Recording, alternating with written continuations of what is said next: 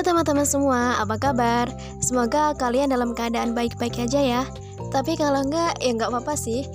Karena enggak semuanya harus selalu baik-baik aja kan. Seperti istilah yang biasa kita dengar, it's okay to not be okay.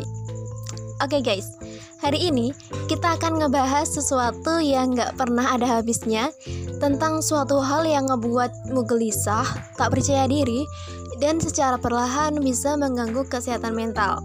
Ya, hal itu sering kita sebut dengan istilah insecure.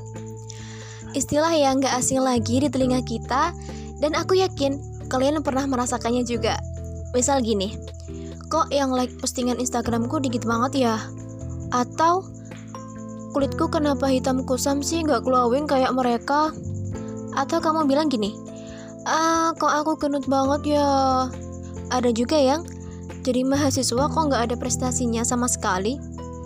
Atau gini, ih kok aku nggak bisa kayak temanku yang udah jadi owner bisnis itu sih? Oke oke. Ternyata banyak banget ya teman-teman bentuk-bentuk insecurity itu. Dan benar, nggak ada habisnya kalau mau disebutin satu-satu. Terlebih di era digital seperti sekarang, perasaan insecure itu mudah sekali muncul. Karena sering kali kita melihat story teman-teman dan orang-orang yang kita kagumi kok hidupnya indah banget, hidupnya bahagia banget. Sedangkan kita ngelihat diri kita sendiri kok banyak banget permasalahannya dan ujung-ujungnya malah overthinking. Um, Oke, okay, sebelum lanjut nih guys, coba deh renungin dulu.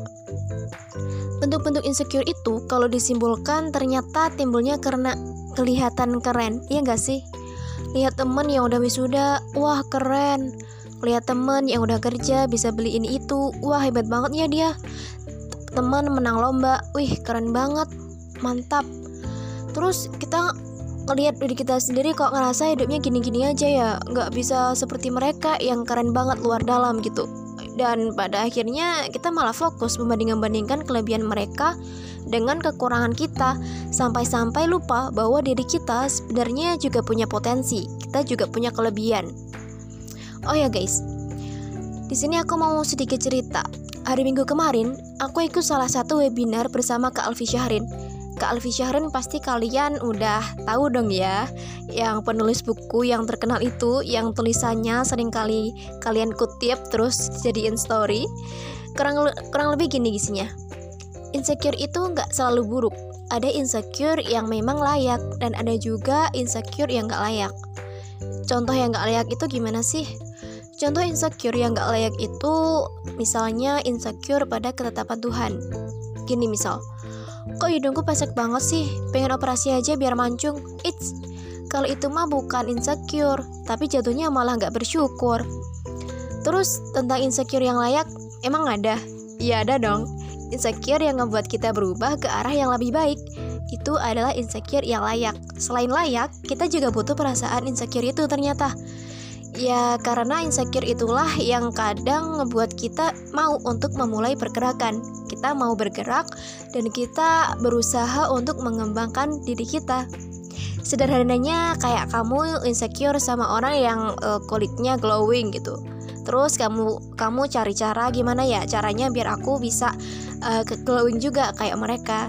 Terus kamu cari-cari tutorial di YouTube tips tips memutihkan wajah dan tangan. Terus kamu beli deh skincare ya nggak? Atau kamu yang ngerasa gendut pasti akan berpikir gimana ya caranya biar aku bisa menurunkan berat badanku? Terus kamu jadi semangat deh untuk berolahraga agar berat badan kamu ideal Ya, itulah insecure yang bisa menjadi penggerak atau trigger awal untuk berubah. Tapi jangan berpatokan pada hal itu. Kalian juga harus tetap memperdalam motivasi agar perubahan yang kalian lakukan bisa berdampak lebih banyak ke depannya. Last but not least, aku mau ngasih sedikit tips nih buat kalian biar kita nggak insecurean terus teman-teman. Nah, tips yang pertama adalah know yourself. Kenalilah dirimu sendiri. Kalian harus tahu dirimu tuh butuh apa. Apa yang bisa kamu lakukan kamu harus bisa mengetahui kekurangan kamu apa, sejauh mana sudah berjuang, dan kapan kamu harus istirahat, dan kapan kamu harus berjuang kembali. Karena semua itu cuma kamu sendiri yang tahu, dan cuma kamu yang bisa mengendalikan. Yang kedua, Percayalah, setiap orang diciptakan dengan keunikan sendiri-sendiri dan memiliki potensi yang unik atau berbeda antara satu dengan yang lainnya. Yakinlah, apa pun kita, siapa pun kita, tetap bisa menjadi orang. Kita tetap bisa menjadi something.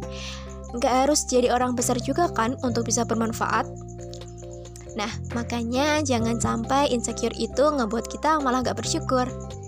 Oke teman-teman, mungkin itu aja sih sharing kita kali ini. Semoga insecure yang kalian rasakan sekarang termasuk insecure yang lain ya teman-teman dan bisa ngebuat kita lebih semangat lagi untuk berubah ke arah yang lebih baik.